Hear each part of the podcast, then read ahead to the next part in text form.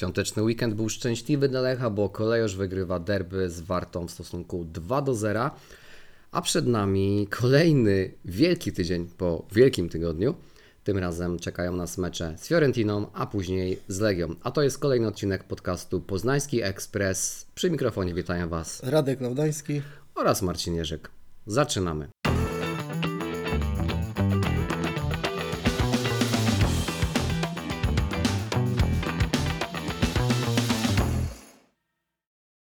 Dobry wieczór, dzień dobry drodzy słuchacze. Witamy się z Wami w kolejnym odcinku podcastu Poznański Ekspres, który jest jedynym podcastem poświęconym tylko i wyłącznie poznańskiemu e, Lechowi. Tak jak powiedziałem w zapowiedzi, tak jak oczywiście e, zapewne znakomicie wiecie, e, ten zajączek był dosyć łaskawy dla Lecha w tym roku. E, Po raz pierwszy od, jeśli dobrze pamiętam, 12 lat e, w Wielką Sobotę Lech grał u siebie i to było starcie derbowe. E, Mówiliśmy o tym co nieco w zeszłym tygodniu, o zapowiedzi tego, e, tego spotkania. Myślę, że ten mecz nas e, chyba nie rozczarował, przynajmniej ja mam takie wrażenie ze swojej e, perspektywy. Zaraz pewnie Radek dorzuci od siebie e, kilka e, zdań. Dużo się cały czas wokół Lecha dzieje, no bo już w czwartek to, na co wszyscy czekamy już od e, co najmniej kilku tygodni, e, czyli ten pierwszy ćwierćfinałowy mecz z Fiorentiną. E, O tym powiemy dzisiaj e, no na pewno sporo, e, ale już teraz mogę powiedzieć, że szykujemy dla Was coś ekstra. Będzie to w środę, najprawdopodobniej od godziny e, 19. Taki po raz kolejny specjalny, szczególny live, tym razem nie w wersji podcastowej, tylko znów zaprosimy Was na, nas, na nasz kanał YouTube'owy e, i tam e, połączę się e, z Radkiem, który będzie nadawał e, prosto z bułgarskiej, więc to będzie e, po raz pierwszy w e, e, Poznańskim Ekspresie e, na, żywo z e, bułgarskiej. Radek będzie na konferencji prasowej Vincenzo Italiano i tuż po zakończeniu tej e, konferencji będziemy mieli około godziny, aby porozmawiać już typowo i tylko i wyłącznie o tym meczu z Fiorentiną. No i w weekend, następny weekend e, czeka nas również wielki hit, wielki szlagier, e, czyli e, spotkanie, które zawsze budzi duże emocje, mecz wyjazdowy z Legią Warszawa na Łazienkowskiej, e, z Legią, która jest e, wiceliderem e, tabeli, no i Lech, który aktualnie zajmuje pozycję e, trzecią. Postaramy się chociaż w kilku zdaniach e, o tym meczu z Legią również e, Wam e, coś e, opowiedzieć. No to Radku, e, jak e, ten mecz e, z Wartą wyglądał z Twojej perspektywy tradycyjnie już z perspektywy trybuny prasowej. My tu mówiliśmy tydzień temu o tym, że spodziewam, czy Ty mówisz, że spodziewasz się takiego meczu bardzo otwartego, że Dawid Szulczek i John Van den Brom to są trenerzy, którzy reprezentują podobną filozofię futbolu, podobne myślenie o futbolu. No jak to wygląda już post factum? No początek meczu myślę taki był troszkę niepokojący ze strony Lecha Poznań, no bo widzieliśmy, że był problem pod stwarzaniem sobie, ze stwarzaniem sobie sytuacji pod bramką e, Warty, żeby dojść do pola karnego, a Zieloni e, wyprowadzali groźne kontrataki i wtedy tak sobie myślałem, że mimo tej jakości w ataku pozycyjnym Lech może mieć problem, no bo Warta lubi takie mecze, kiedy oddaje inicjatywę rywalowi, może wyjść sobie z kontratakiem i te pierwsze pół godziny meczu Lech tak naprawdę tańczył tak, jak Warta chciała, żeby Lech tańczył wokół niej. Potem wszystko się praktycznie zmieniło po tym golu Michała z, z Kurasia, no bo ten gol w 34 minucie niejako już ten mecz ustawił. Warta musiała się w większym stopniu otworzyć, nie była takim, taką drużyną zamkniętą, tak jak miało to miejsce w wielu e, starciach z Lechem. No i myślę, że, że końcówka tej połowy była dobra w wykonaniu Lecha Poznań. W drugiej połowie też widzieliśmy sporo, sporo jakości w, w akcjach e, kolejorza, no ale, no ale też było kilka takich sytuacji, gdzie Filip Bednarek musiał się wspiąć na wyżyny swoich umiejętności i myślę, że były to jedne z takich najbardziej wyrównanych derbów Poznania, gdzie można było y, troszeczkę być zaniepokojonym, jeśli chodzi o wynik w kontekście Lecha Poznań, poprzeczka przez Warty Poznań była zawieszona naprawdę wysoko, no i było widać, że to jest piąty zespół PKO BP Ekstraklasy i że derby Poznania są tak naprawdę meczem na szczycie Ekstraklasy i cieszy fakt, że, że obie poznańskie drużyny prezentują na boisku tak wysoki poziom. Myślę też, tak powiem od siebie, że był to najlepszy mecz Michała Skurasia w PKO BP Ekstraklasie, jaki kiedykolwiek widziałem. Też pytałem o to na przykład trenera Johna Van Den Broma, no to mi powiedział, że że jemu tak naprawdę ciężko jest odpowiedzieć na pytanie, który mecz był najlepszy w jego y, wykonaniu, aczkolwiek Michał cały czas ciężko pracuje zarówno w meczach, jak i na treningach i to ma przełożenie na tą jego bardzo dobrą postawę. No, mówi się dużo o tym, że w Ekstraklasie jest mało wolnego miejsca na boisku, że Y, że rywale dobrze blokują te przestrzenie. Warta w szczególności jest tego znana jako taka najlepiej zorganizowana drużyna pod tym względem po Rakowie, a widzieliśmy, że Michał Skórać potrafił sobie znaleźć miejsce na boisku, stwarzać zagrożenie pod bramką rywala, kilka naprawdę udanych driblingów, dwie bramki, duży luz, no i, i myślę, że to był taki Michał Skóraś, którego wszyscy chcemy oglądać, jeśli jeszcze zaliczyłby kilka takich meczów do końca sezonu no to ta cena z 7 milionów może jeszcze wzrosnąć do około 10.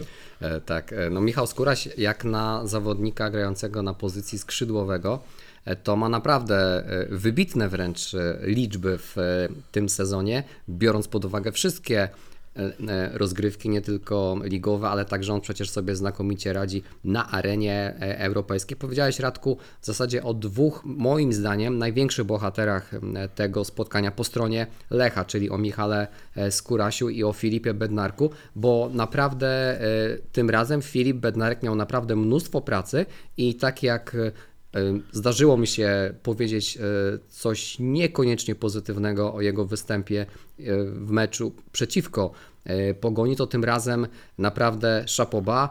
E, Filip Bednarek e, tutaj wzbił się, myślę, na wyżyny swoich umiejętności. Miał aż sześć skutecznych interwencji w tym meczu i to naprawdę pokazuje to, o czym wspomniałeś, że Warta tą poprzeczkę zawiesiła naprawdę, naprawdę wysoko i wydaje mi się, że tak jak wspomniałeś, że to był najlepszy mecz e, Warty przeciwko Lechowi od powrotu do Ekstraklasy. Ja bym też powiedział, że Warta była najbliżej e, Lecha w tym spotkaniu, właśnie biorąc pod uwagę te mecze, kiedy Zieloni do Ekstraklasy powrócili. Ja widziałem, że na antenie kanału Plus e, przed tym spotkaniem były takie rozmowy i z Dawidem Szulczkiem i później e, z Błażejem Telichowskim odnośnie tego, czy bliżej jest Warta Lecha, czy bliżej jest Lech Fiorentiny i tam przede wszystkim Błażej Telichowski stwierdził, że no jednak mimo wszystko Warta jest bliżej Lecha i ta dysproporcja proporcja pomiędzy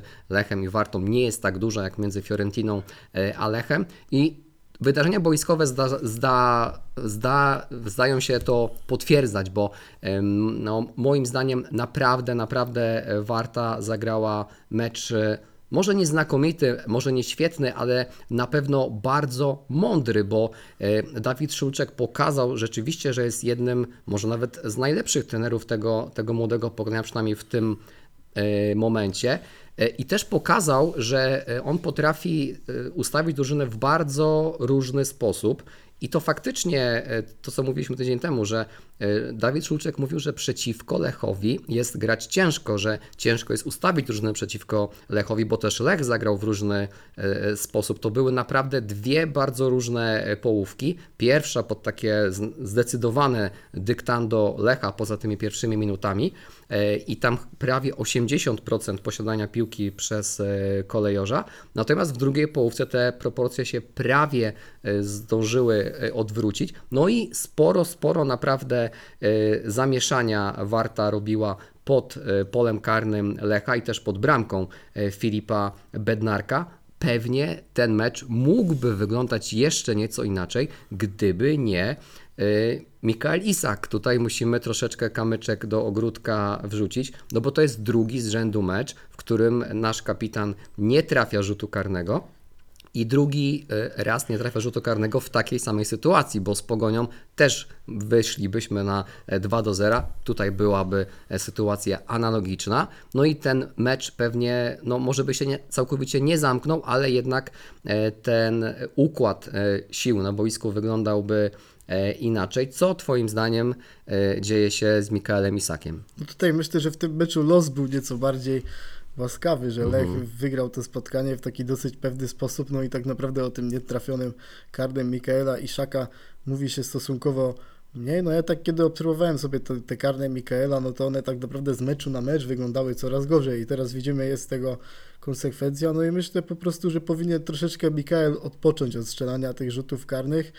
Gdzieś tam nawet można zapomnieć o tej rywalizacji, o o tytuł króla strzelców. Wiadomo, że rzuty karne są w tym pomocne, ale myślę, że przede wszystkim priorytetem jest to, żeby one były trafiane, a zwłaszcza w tak ważnych momentach.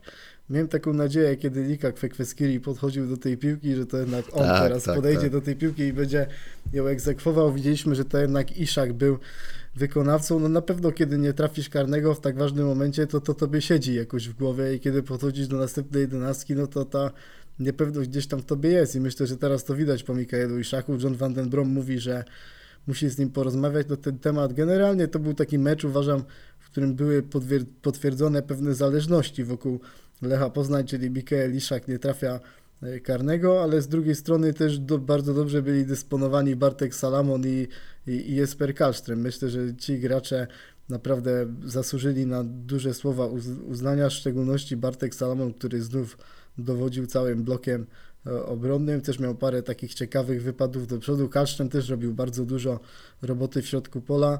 Też ta pierwsza bramka Michała Skórasia by nie padła, kiedy jego, kiedy, nie, nie zostałby oddany jego strzał z dystansu. Mocno się poprawiły te jego strzały z dystansu, bo wcześniej, kiedy strzelał Kalsztrym, rzadko to miało miejsce, no to gdzieś tam strzelał do kaczek, można było powiedzieć, ale, ale i tak naprawdę nie spodziewałem się, że on może kiedykolwiek stworzyć zagrożenie strzałem z dystansu po tych wcześniejszych próbach, a teraz widzieliśmy gol z Pogonią. Ten strzał teraz też sprawił duże problemy Adrianowi Lisowi, wypuścił piłkę, Michał Skóra się ją dobył, więc myślę, że to jest też taki nowy atut Lecha Poznań, którego wcześniej on nie miał w swojej talii. No jedyny taki moment Jespera Kalsztrema słabszy to był ten moment, kiedy objechał go Kajetan Schmidt, była taka akcja, prawie się to skończyło bramką dla, dla Warty Poznań, na szczęście gdzieś tam zieloni nie, nie zamienili tego, e, tego na bramkę i to był jedyny taki moment, w którym Jesper troszeczkę zaspał, albo może Kajetan Schmidt pokazał tak wysokiej umiejętności, no bo widzieliśmy, że ten piłkarz czuje no, taki niebagatelny luz, no i myślę, że wszyscy mamy nadzieję, że, że latem ten piłkarz trafi na bułgarską, bo jeśli zostanie sprzedany Michał Skóraś, no to po prostu lepszego kandydata tutaj nie widzę jako jego następca. Tak, pewnie będziemy sobie jeszcze mieli sposobność nieco później, niekoniecznie w dzisiejszym odcinku, rozmawiać o tym, gdzie są największe potrzeby, jeśli chodzi o transfery przychodzące do Lecha przed kolejnym sezonem. No, na pewno dużo będzie zależało od tego, czy Lech zagra w europejskich pucharach, no ale na ten moment jeszcze nie zostały policzone, przeliczone punkty oczekiwane i e, szanse na zajęcie e, miejsca premiowanego e, grą w europejskich pucharach, ale tak na moje chłopskie oko to jest gdzieś około 99%, tak oczywiście mówiąc pół żartem, pół serio, no ale e, po tym zwycięstwie w derbach e, Lech ma nad piątą aktualnie wartą 9 punktów przewagi na 7 kolejek do końca, więc to musiałaby się wydarzyć naprawdę prawdziwa katastrofa, aby, e, abyśmy Lecha w rozgrywkach Ligi Konferencji na przyszły sezon nie zobaczyli, więc tutaj na pewno te potencjalne transfery będą determinowane tym, że po raz kolejny w przyszłym sezonie będziemy grali, no przynajmniej przez e, czas jakiś co 3 dni. No i wspomniałeś o trzecim bohaterze, moim zdaniem, e, tego sobotniego, wielkosobotniego wieczoru, czyli Kajetanie e, Szmycie. Mówiliśmy o nim już sporo w, zeszłym tygodniu też mówiliśmy o nim wcześniej, bo, bo zwróciłeś uwagę na to, że John Van Den Brom e, obserwował go w trakcie jednego z meczów Warty rozgrywanych w Grudzisku Wielkopolskim. E, John Van Den Brom, jeśli dobrze pamiętam, na konferencji powiedział, że Kajetan Schmidt nie jest w kręgu zainteresowań Lecha. No i ciekawe, czy rzeczywiście tak jest, ale pewnie nawet gdyby był, no to z oczywistych powodów e, na ten moment trener, dyrektor sportowy czy w ogóle klub nie może tego potwierdzić, bo to jest oczywiste, że cena za takiego piłkarza wówczas e, idzie w górę, ale na pewno jest to zawodnik, który wydaje się po tym, co pokazuje na wiosnę, mógłby się e, w Lechu przydać. E, Często ci skrzydłowi, którzy gdzieś tak się wyróżniają w naszej ekstraklasie, to mają jeden argument, czyli szybkość i potem ewentualnie zejście na którąś z nóg do środka, no i próba wrzucania piłki bądź e, próba strzału. Kajetan Schmidt na ten moment, e, grając oczywiście w Warcie, bo to jest też e, pytanie, jak on będzie sobie radził w drużynie, która e, jednak przez większość meczu e, e, gra piłką i ma też e, inne e, ambicje e, sportowe, no ale grając właśnie na ten moment e, w Warcie, pokazuje nieco większy wachlarz możliwości, no i nie jest w związku z tym nic dziw... nie ma nic dziwnego w tym, że e, budzi zainteresowanie klubów z wyższej półki, bo też mówiliśmy, że oprócz Lecha interesuje się nim Legia, no to też nic dziwnego, że e, największe polskie kluby chcą taki talenty mieć e, u siebie. No, te transfery z Warty do Lecha co jakiś czas się e, zdarzają, bo przecież e, Jakub Moder e, to jest zawodnik, który do Lecha trafiał z, z Wildy. Wcześniej, sięgając już prawie że do prehistorii, to był Maciej Żurawski, także no, y, jest jakaś tradycja w tych y, transferach wewnątrz y, poznańskich. Pewnie będziemy musieli nieco poczekać na to, no ale na ten moment myślę, że nikt by się nie obraził, gdyby, tak jak mówiliśmy tydzień temu, to był ostatni mecz na bułgarski Kajetana y, Szmyta, ale w koszulce w barwach zielonych. No też tak właśnie do tych konferencji prasowych uważam, że trzeba patrzeć troszkę przez dwa, no bo pamiętam przedmeczową konferencję, kiedy też jeden z dziennikarzy zapytał Johna Van Den Broma, to był chyba Maciej Lejman z Głosu Wielkopolskiego, jak dobrze pamiętam, dlaczego on wtedy wybrał się do Grodziska Wielkopolskiego na ten mecz e, Warty Poznań, a John Van Den Brom tak odpowiedział wymijająco, wybrałem się, ponieważ bardzo lubię futbol i po prostu zaczął się śmiać, no więc to, to też było takie, że raczej na pewno przyjechał tam w innym celu John Tak. Van Den Brom, więc no te konferencje prasowe to jest to, co o czym wcześniej mówiliśmy w jednym z odcinków, że nie można tego brać w sposób dosłowny, no bo trener nigdy, nigdy raczej nie skrytykuje piłkarza za poszczególny występ na konferencji prasowej, bo dba o te relacje międzyludzkie. Czasem się zdarzy, że jeden piłkarz dojrzeje do krytyki, tak jak na przykład powiedział trener o Joelu Perejrze, że on zagrał jeden mecz słabszy i on sobie zdaje z tego sprawę, ale tu już jest inna sprawa. On już pracuje dosyć z nim długo i wie, że na pewien komentarz może sobie pozwolić, no ale też trener nigdy nie powie na konferencji prasowej, że wprost, że interesuje się danym zawodnikiem, no bo cena zostanie podbita. Inne kluby też się będą w większy sposób interesowały, więc myślę, że jeśli ktoś zakłada po tej konferencji Johna Van Den Broma, że tematu Kajetana Szmyta nie ma, bo przez to jedno zdanie, które John Van Den Brom powiedział na konferencji, no to myślę, że może się w przyszłości jeszcze zdziwić, a widzieliśmy też po paru wypowiedziach, że trener jest naprawdę zachwycony umiejętnościami tego piłkarza myślę, że coś tam może jednak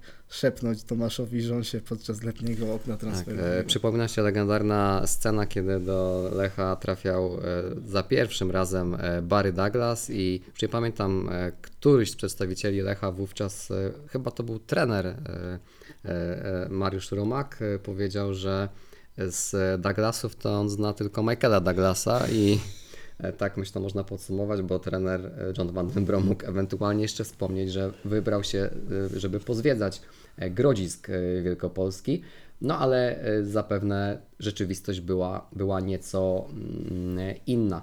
No dobrze, to może zam- zamknijmy sobie e, temat ligowy, aby zostawić e, chwilę e, na rozważania związane z Ligą Konferencji, bo więcej po, porozmawiamy sobie e, we e, środę. E, Przed nami w najbliższą niedzielę e, klasyk ligi, e, hit ligi, czyli starcie z Legią Warszawa. My nagrywamy ten odcinek jeszcze w takim wielkanocnym nastroju, bo nagrywamy go wieczorem w drugi dzień Wielkanocy i właśnie kończy się spotkanie Legii wyjazdowe w Legnicy. Legia przegrywa to spotkanie 2 do 1. No i to oznacza, że Raków odskakuje na jeden punkcik, bo zremisował e, z Radomiakiem w Radomiu. E, I to też oznacza, że Lech jest e, 8 punktów w tym momencie e, za Legią. E, Radku, czy Twoim zdaniem e, Lech ma jeszcze jakiekolwiek realne szanse, aby tą walkę o wicemistrzostwo z Legią nawiązać? Oczywiście wydaje się, że to trochę. O, przepraszam. No, moje rozważania kompletnie nie mają w tym momencie sensu, bo Legia, Legia właśnie yy, wyrównała w, w Legnicy. Tak to jest, jak się próbuje e, na żywo coś, coś komentować i kompletnie się narracja rozjeżdża. No to okej, no to mamy nie 8, ale e, 9 punktów e, i 7 kolejek do końca. Ale zapytam Cię mimo wszystko, czy Twoim zdaniem e, ta e, walka o wicemistrzostwo jest w jakikolwiek sposób jeszcze realna przed właśnie e, starciem drugiej i trzeciej drużyny aktualnie ligi?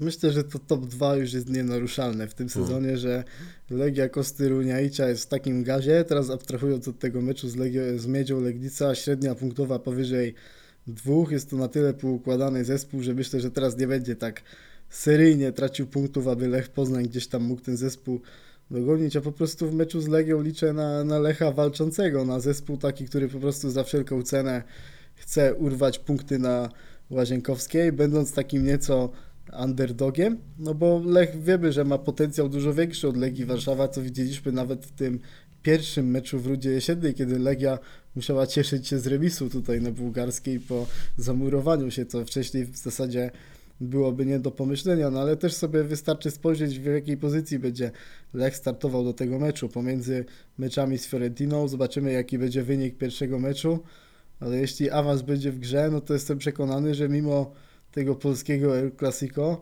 gdzieś tam myśli będą troszeczkę bardziej gdzieś tam oscylowały wokół tego rewanżu z Fiorentiną, że to będzie taki mecz sezonu wtedy, a Legia dzisiaj za, i w przypadku tego remisu zachowuje status quo i to gdzieś tam determinuje legionistów do takiej walki na najwyższym poziomie. W meczu z Lechem, jakby dzisiaj udało się wygrać z Miedzią, no to jestem przekonany, że Legia wtedy w ogóle już by była naładowana, gdyby coś tam do tego Rakowa odrobiła. No na pewno za tydzień szykuje nam się naprawdę kawał widowiska, no bo te mecze Lech, Lech z Legią zawsze są elektryzujące, aczkolwiek mam wrażenie, że bardziej w nich elektryzuje gdzieś tam ta otoczka dookoła me- meczu, to jak się na te starcia czeka, na te polskie klasiko, aczkolwiek na samym boisku często te mecze gdzieś tam zawodzą i, i wcale się nie zdziwię, jak, y, jak w przyszłym tygodniu też ten mecz będzie taki dosyć zamknięty, gdzieś tam do jednej bramki y, przewagi. I wiemy, że determinacja może być czynnikiem, który Legia może być mocniejszy z racji na tabelę,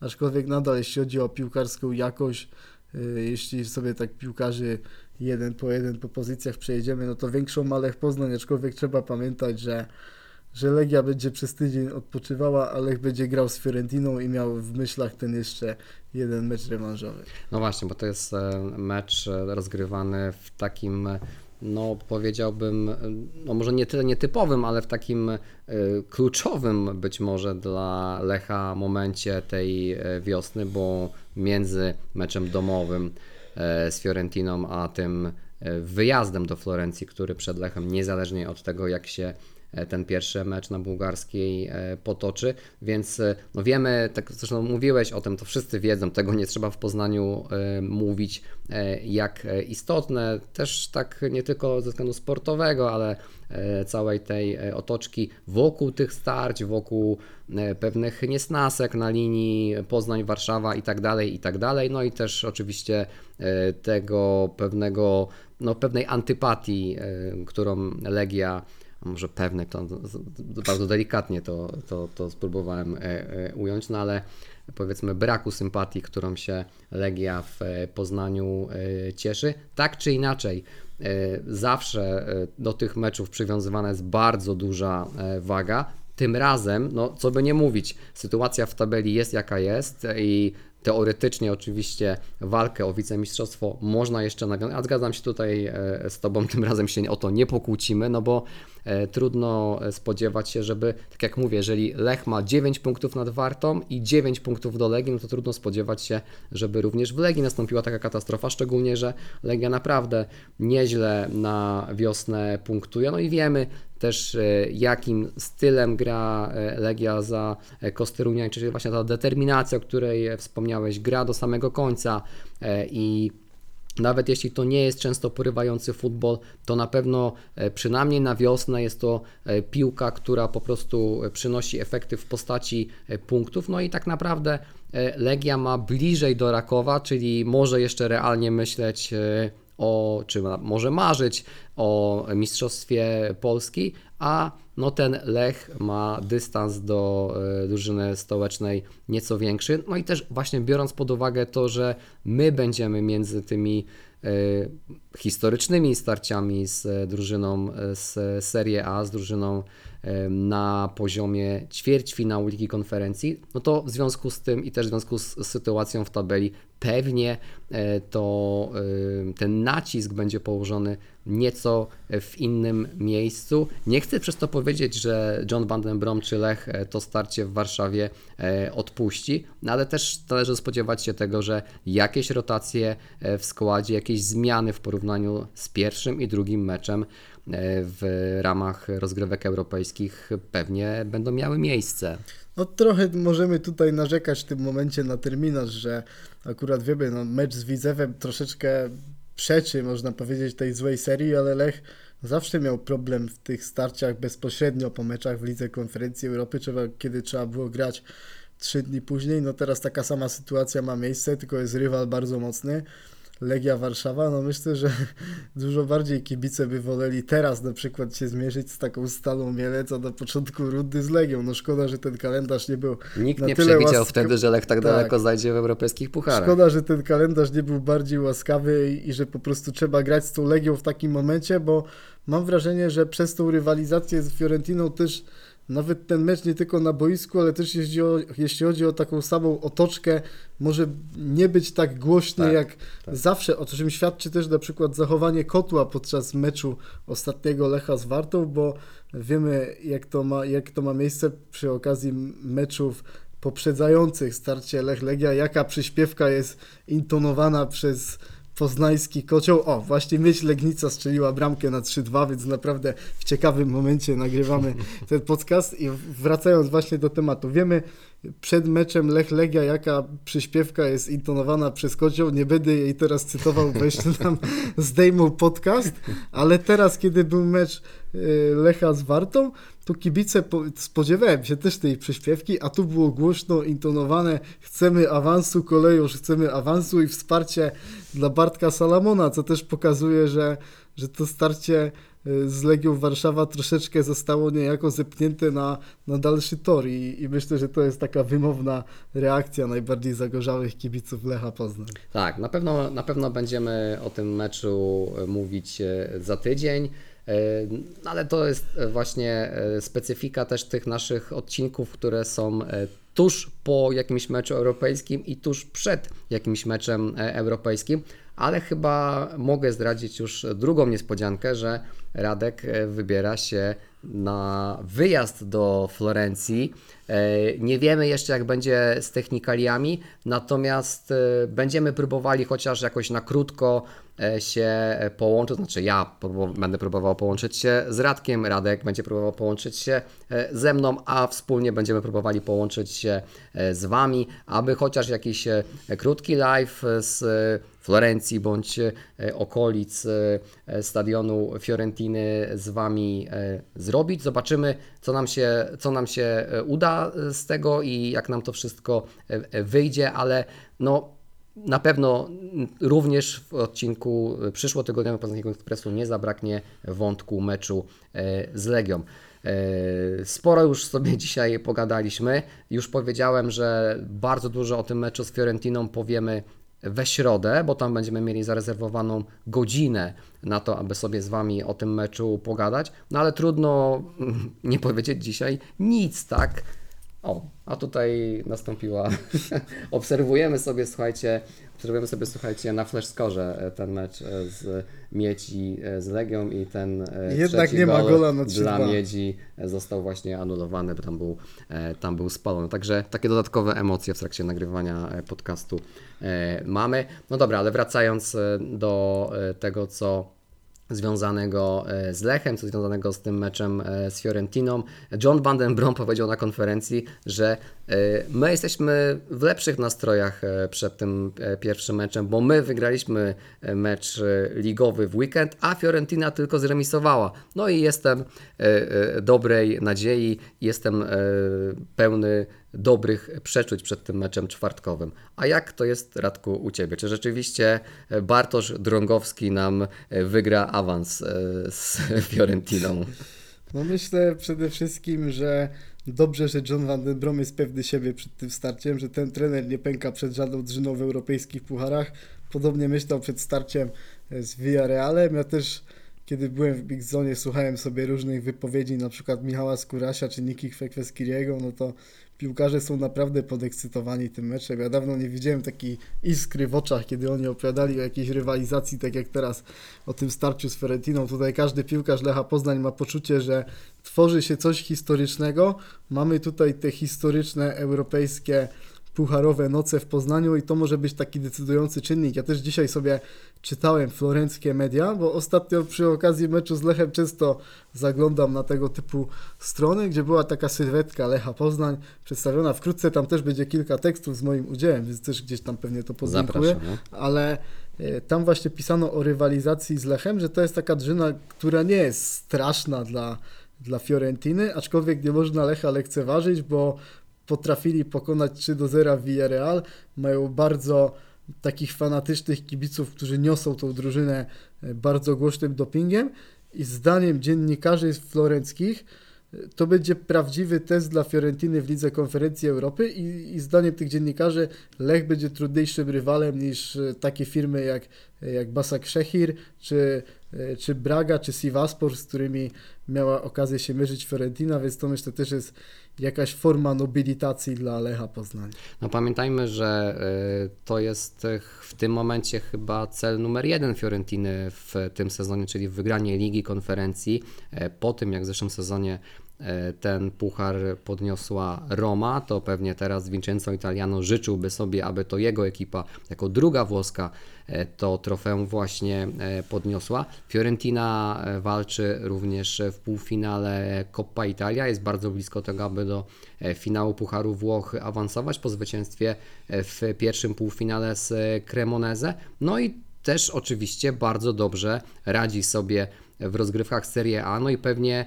gdyby nie słaba jesień, to Fiorentina byłaby bardzo blisko, aby się zakwalifikować pewnie nawet do Ligi Mistrzów na, na przyszły sezon, więc e, abyśmy wszyscy mieli świadomość o jakiej klasie drużynie my w tym momencie e, mówimy.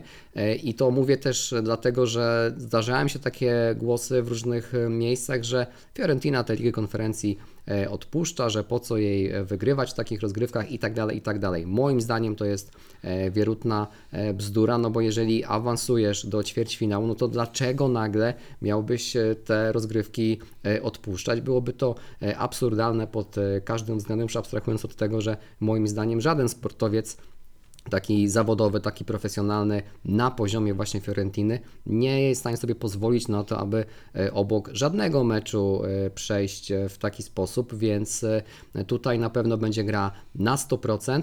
E, No i Lech, żeby uzyskać korzystny wynik przed rewanżem, to będzie musiał zagrać może nawet więcej niż na 100% swoich e, umiejętności. Wspomniany przez Ciebie mecz e, z Villarrealem, e, no to jest jeden z takich właśnie meczów, do których musimy się odwoływać, jeśli chcemy szukać szansy na to, aby no po prostu z Fiorentiną u siebie wygrać, tak aby mieć jakieś właśnie realne szanse na półfinał Ligi Konferencji, E, no bo y, no wszyscy o tym y, wszyscy o tym marzymy. Radek marzył o tym, aby się wybrać w bluzie na ten mecz z Fiorentiną. Nie wiem Radku, czy będzie Ci to dane, bo patrzyłem, że tam około 5 stopni ma być w czwartek wieczorem, więc e, byłoby to wydarzenie znaczy, gdybyś się zdecydował na to, aby się wybrać w samej bluzie, to e, nie wiem, czy wówczas ten wyjazd do Florencji doszedłby do e, skutku, ale to tak pół żartem, e, pół serio. Chciałem Was wszystkich zaprosić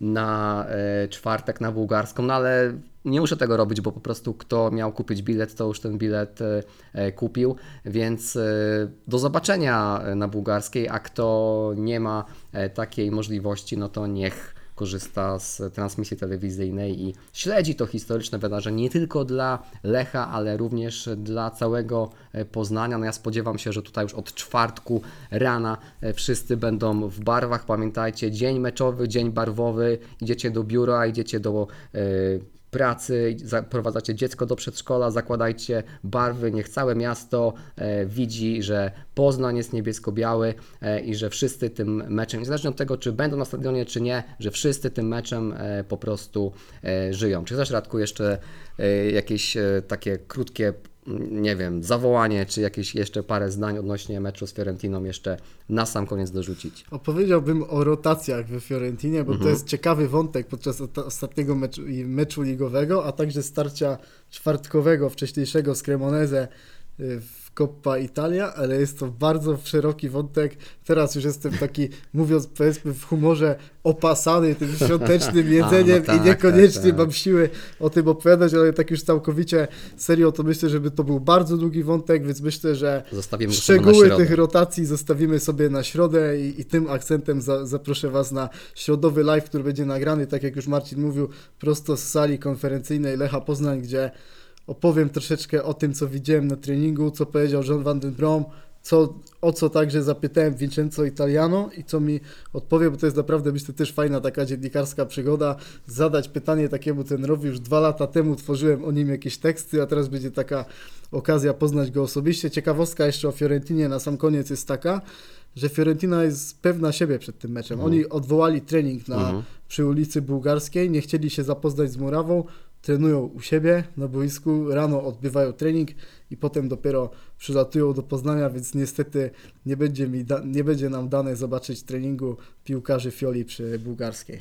No okej, no to tak jak Radek mówi, jeśli nie wydarzy się nic nieprzewidzianego, to w środę o 19 e, specjalne wydanie Poznańskiego Ekspresu prosto z sali konferencyjnej Lecha Poznań przy ulicy Bułgarskiej.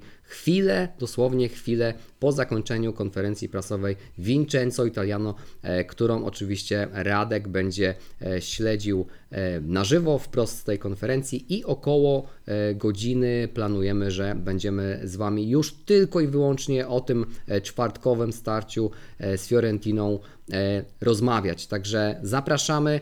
Ten live będzie na naszym YouTubie, ale później będzie również e, do odtworzenia, gdyby ktoś nie miał możliwości być e, z nami na żywo, ale gorąco zachęcamy, bo będziemy chcieli sobie z Wami e, o tym meczu i o tym, e, o również Waszych oczekiwaniach przed tym e, meczem porozmawiać. E, I, no i po prostu poprzeżywać, jeszcze ponakręcać się przed tym e, e, czwartkiem, chociaż tak jak Radek mówiłeś, piłkarze są nakręceni, my też jesteśmy mega nakręceni, tak jak mówisz, może brzuchy po świętach pełne, ale do tej środy na pewno się już ogarniemy, a do czwartku to już będziemy po prostu pełni werwy. i to Fit, się jak to mówi John Van Den Fit, na, tak kon- jest, na tak jest, tak jest. E, Dobrze, no to co, to chyba byłoby dzisiaj e, wszystko. Bardzo Wam dziękujemy za e, wysłuchanie kolejnego odcinka. Do usłyszenia za tydzień w podcaście i do zobaczenia we środę już w wersji nie tylko audio, ale również wideo, tym razem na naszym YouTube. A dzisiaj byli z Wami tradycyjnie Radek Laudański, oraz Marcin Jerzyk. To trzymajcie się, dobrego tygodnia i do usłyszenia. trzymajcie się, cześć.